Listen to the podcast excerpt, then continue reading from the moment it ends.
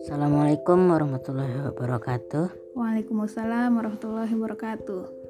Di episode sebelumnya kita kan udah ngebahas pasar dan jenis-jenisnya. Di episode setelahnya kita sudah membahas harga dan pasar. Nah, di episode kali ini aku pengen kakak membahas uh, tentang distorsi pasar dan bentuk-bentuknya. Oke, kali ini kita akan bahas tentang distorsi pasar dan bentuk-bentuknya. Pasar menentukan harga dan cara berproduksi. Tidak boleh ada gangguan yang mengakibatkan rusaknya keseimbangan pasar tersebut. Namun, dalam kenyataannya sulit ditemukan pasar yang berjalan sendiri secara adil atau secara fair. Kondisi ini bisa biasa disebut sebagai distorsi pasar. Dalam kenyataannya juga distorsi pasar tetap sering terjadi sehingga dapat merugikan para pihak yang terlibat sebagai pelaku pasar. Maka eh, sehubung dengan mekanisme pasar tersebut, di dalam sistem ekonomi itu harus menyesuaikan dengan apa yang terkandung dalam sistem ekonomi Islam karena secara umum dapat dikatakan bahwa dalam sistem ekonomi Islam terdapat nilai-nilai yang masuk dalam keilmuan berdasarkan norma dan kaidah yang berasal dari Al-Quran dan hadis. Dalam konsep ekonomi Islam, interaksi antara sisi penawaran dan permintaan, supply dan demand, harus terjadi rela sama rela, atau dalam bahasa Arabnya antarodin, dalam melakukan transaksi. Keadaan rela sama rela tersebut merupakan kebaikan dari keadaan aninaya atau e, zulm atau zolim yang mana dalam keadaan tersebut salah satu pihak berbahagia di atas penderitaan orang lain. Distorsi pasar ini sering dilakukan oleh para pelaku pasar untuk mencari keuntungan cepat atau di atas wajar dengan merugikan pihak lain Distorsi ini biasanya menciptakan ketidakadilan dan ketidakseimbangan di pasar, menguntungkan bagi satu pihak tapi merugikan bagi pihak lain. Uh, ada beberapa tindakan yang bersifat kezoliman di pasar dapat menyebabkan kondisi terjadinya distorsi baik dari sisi penawaran maupun permintaan. Kondisi ini mengakibatkan harga harga berada dalam kondisi ketidakseimbangan di mana pertemuan supply dan demand terjadi karena adanya faktor-faktor kejahatan, bukan disebabkan oleh faktor yang bersifat alamiah yang tidak dapat dihindari oleh manusia. Seperti contohnya ini cuaca, bencana alam, dan lain-lainnya beberapa tindakan bukan alamiah tetapi karena tindakan kejahatan seseorang atau sekelompok orang di pasar yang menjadi pemicu terjadinya distorsi pasar.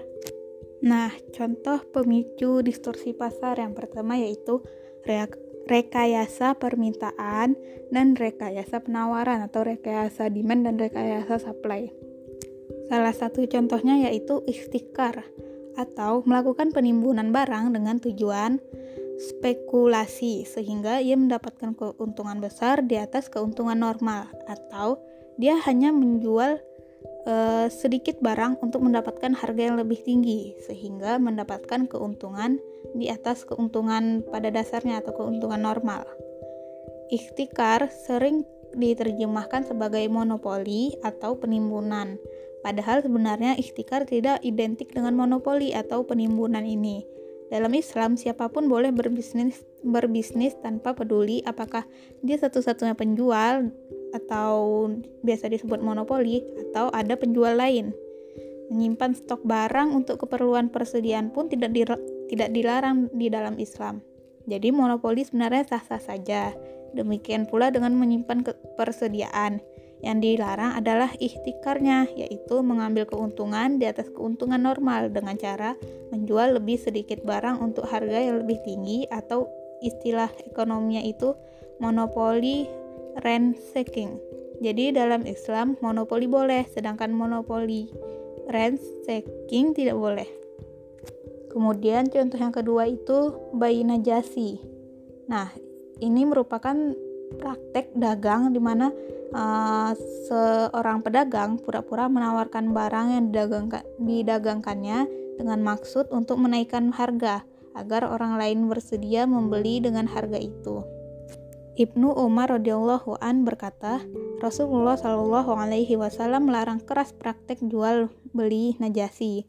Di dalam hadis diriwayatkan oleh Tirmizi, Rasulullah shallallahu alaihi wasallam bersabda, Janganlah kamu sekalian melakukan penawaran barang tanpa maksud untuk membeli. Hadis riwayat Tirmizi. Jadi transaksi najasi diharamkan dalam perdagangan karena si penjual ini menyuruh orang lain untuk memuji barangnya atau menawarkan dengan harga yang lebih tinggi agar orang lain tertarik untuk membelinya. Si penawar sendiri tidak bermaksud untuk benar-benar membeli barang tersebut. Ia hanya ingin menipu orang lain yang benar-benar ingin membeli yang sebelumnya orang ini telah melakukan kesepakatan dengan si penjualnya. Akibatnya terjadi permintaan palsu eh, sehingga tingkat permintaan yang terjadi tidak dihasilkan secara alamiah. Kemudian, tindakan yang dapat menyebabkan distorsi pasar yaitu penipuan atau tadlis, yaitu kondisi di mana satu pihak tidak mengetahui kondisi yang sebenarnya sehingga pihak yang mengetahui informasi memanfaatkan kondisi tersebut untuk mendapatkan keuntungan dengan menipu pihak yang tidak tahu. Kondisi kondisi ini disebabkan karena adanya incomplete information Tadlis bisa terjadi dari segi kualitas, kuantitas, harga, dan waktu penyerahan. Tadlis ini terjadi karena adanya ketidakjujuran di antara pihak yang melakukan transaksi. Sistem ekonomi Islam melarang hal ini karena ketimpangan informasi tentang barang yang akan diperjualbelikan dengan adanya informasi yang tidak sama antara kedua belah pihak maka unsur antarodin minkum atau kerelaan bersama dilanggar. Untuk menghindari penipuan, masing-masing pihak harus mempelajari strategi pihak lain. Dalam ekonomi konvensional, hal ini dikenal, dengan zero sum game theory. Al-Quran dengan tegas telah melarang semua transaksi bisnis yang mengandung unsur penipuan dalam segala bentuk terhadap pihak lain, seperti dalam surat Al-An'am ayat 152 yang artinya dan sempurnakanlah takaran dan timbangan dengan adil. Kami tidak memikul be beban kepada seseorang, melainkan sekedar kesanggupannya. Kemudian, uh, faktor yang memicu distorsi pasar yaitu ada tagrir. Tagrir berasal dari kata bahasa Arab yang uh, ininya goror, yang berarti akibat atau bencana atau bahaya dalam istilah fikih muamalah, tagrir berarti melakukan sesuatu secara membabi buta tanpa tanpa pengetahuan yang mencukupi atau dia mengambil resiko sendiri dari suatu perbuatan yang mengandung resiko tanpa mengetahui dengan persis apa akibat atau memasuki kancah resiko tanpa memikirkan konsekuensinya. Jual beli goror ialah suatu jual beli yang mengandung ketidakjelasan atau ketidakpastian. Jual beli goror dan tadlis sama-sama dilarang karena keduanya mengandung incomplete information. Namun berbeda dengan tadlis, di mana incomplete information hanya dialami oleh satu pihak saja. Misalnya pembeli saja atau penjual saja.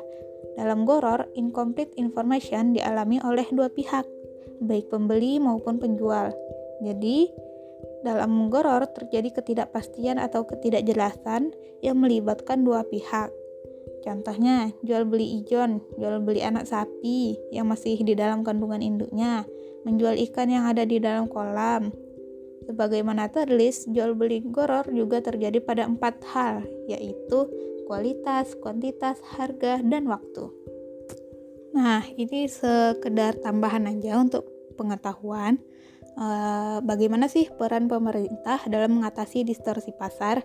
Ketika terjadi kegagalan pasar atau distorsi pasar, maka pemerintah harus turun tangan memastikan mekanisme pasar yang adil kembali bekerja. Menurut Islam, negara memiliki hak untuk melakukan intervensi dalam kegiatan ekonomi, baik itu di dalam bentuk pengawasan, pengaturan, maupun pelaksanaan kegiatan ekonomi yang tidak mampu dilaksanakan oleh masyarakat.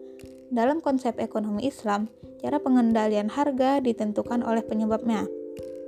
Bila penyebabnya adalah perubahan pada uh, demand dan supply, maka mekanisme pengendalian dilakukan melalui market intervention atau kontrol harga.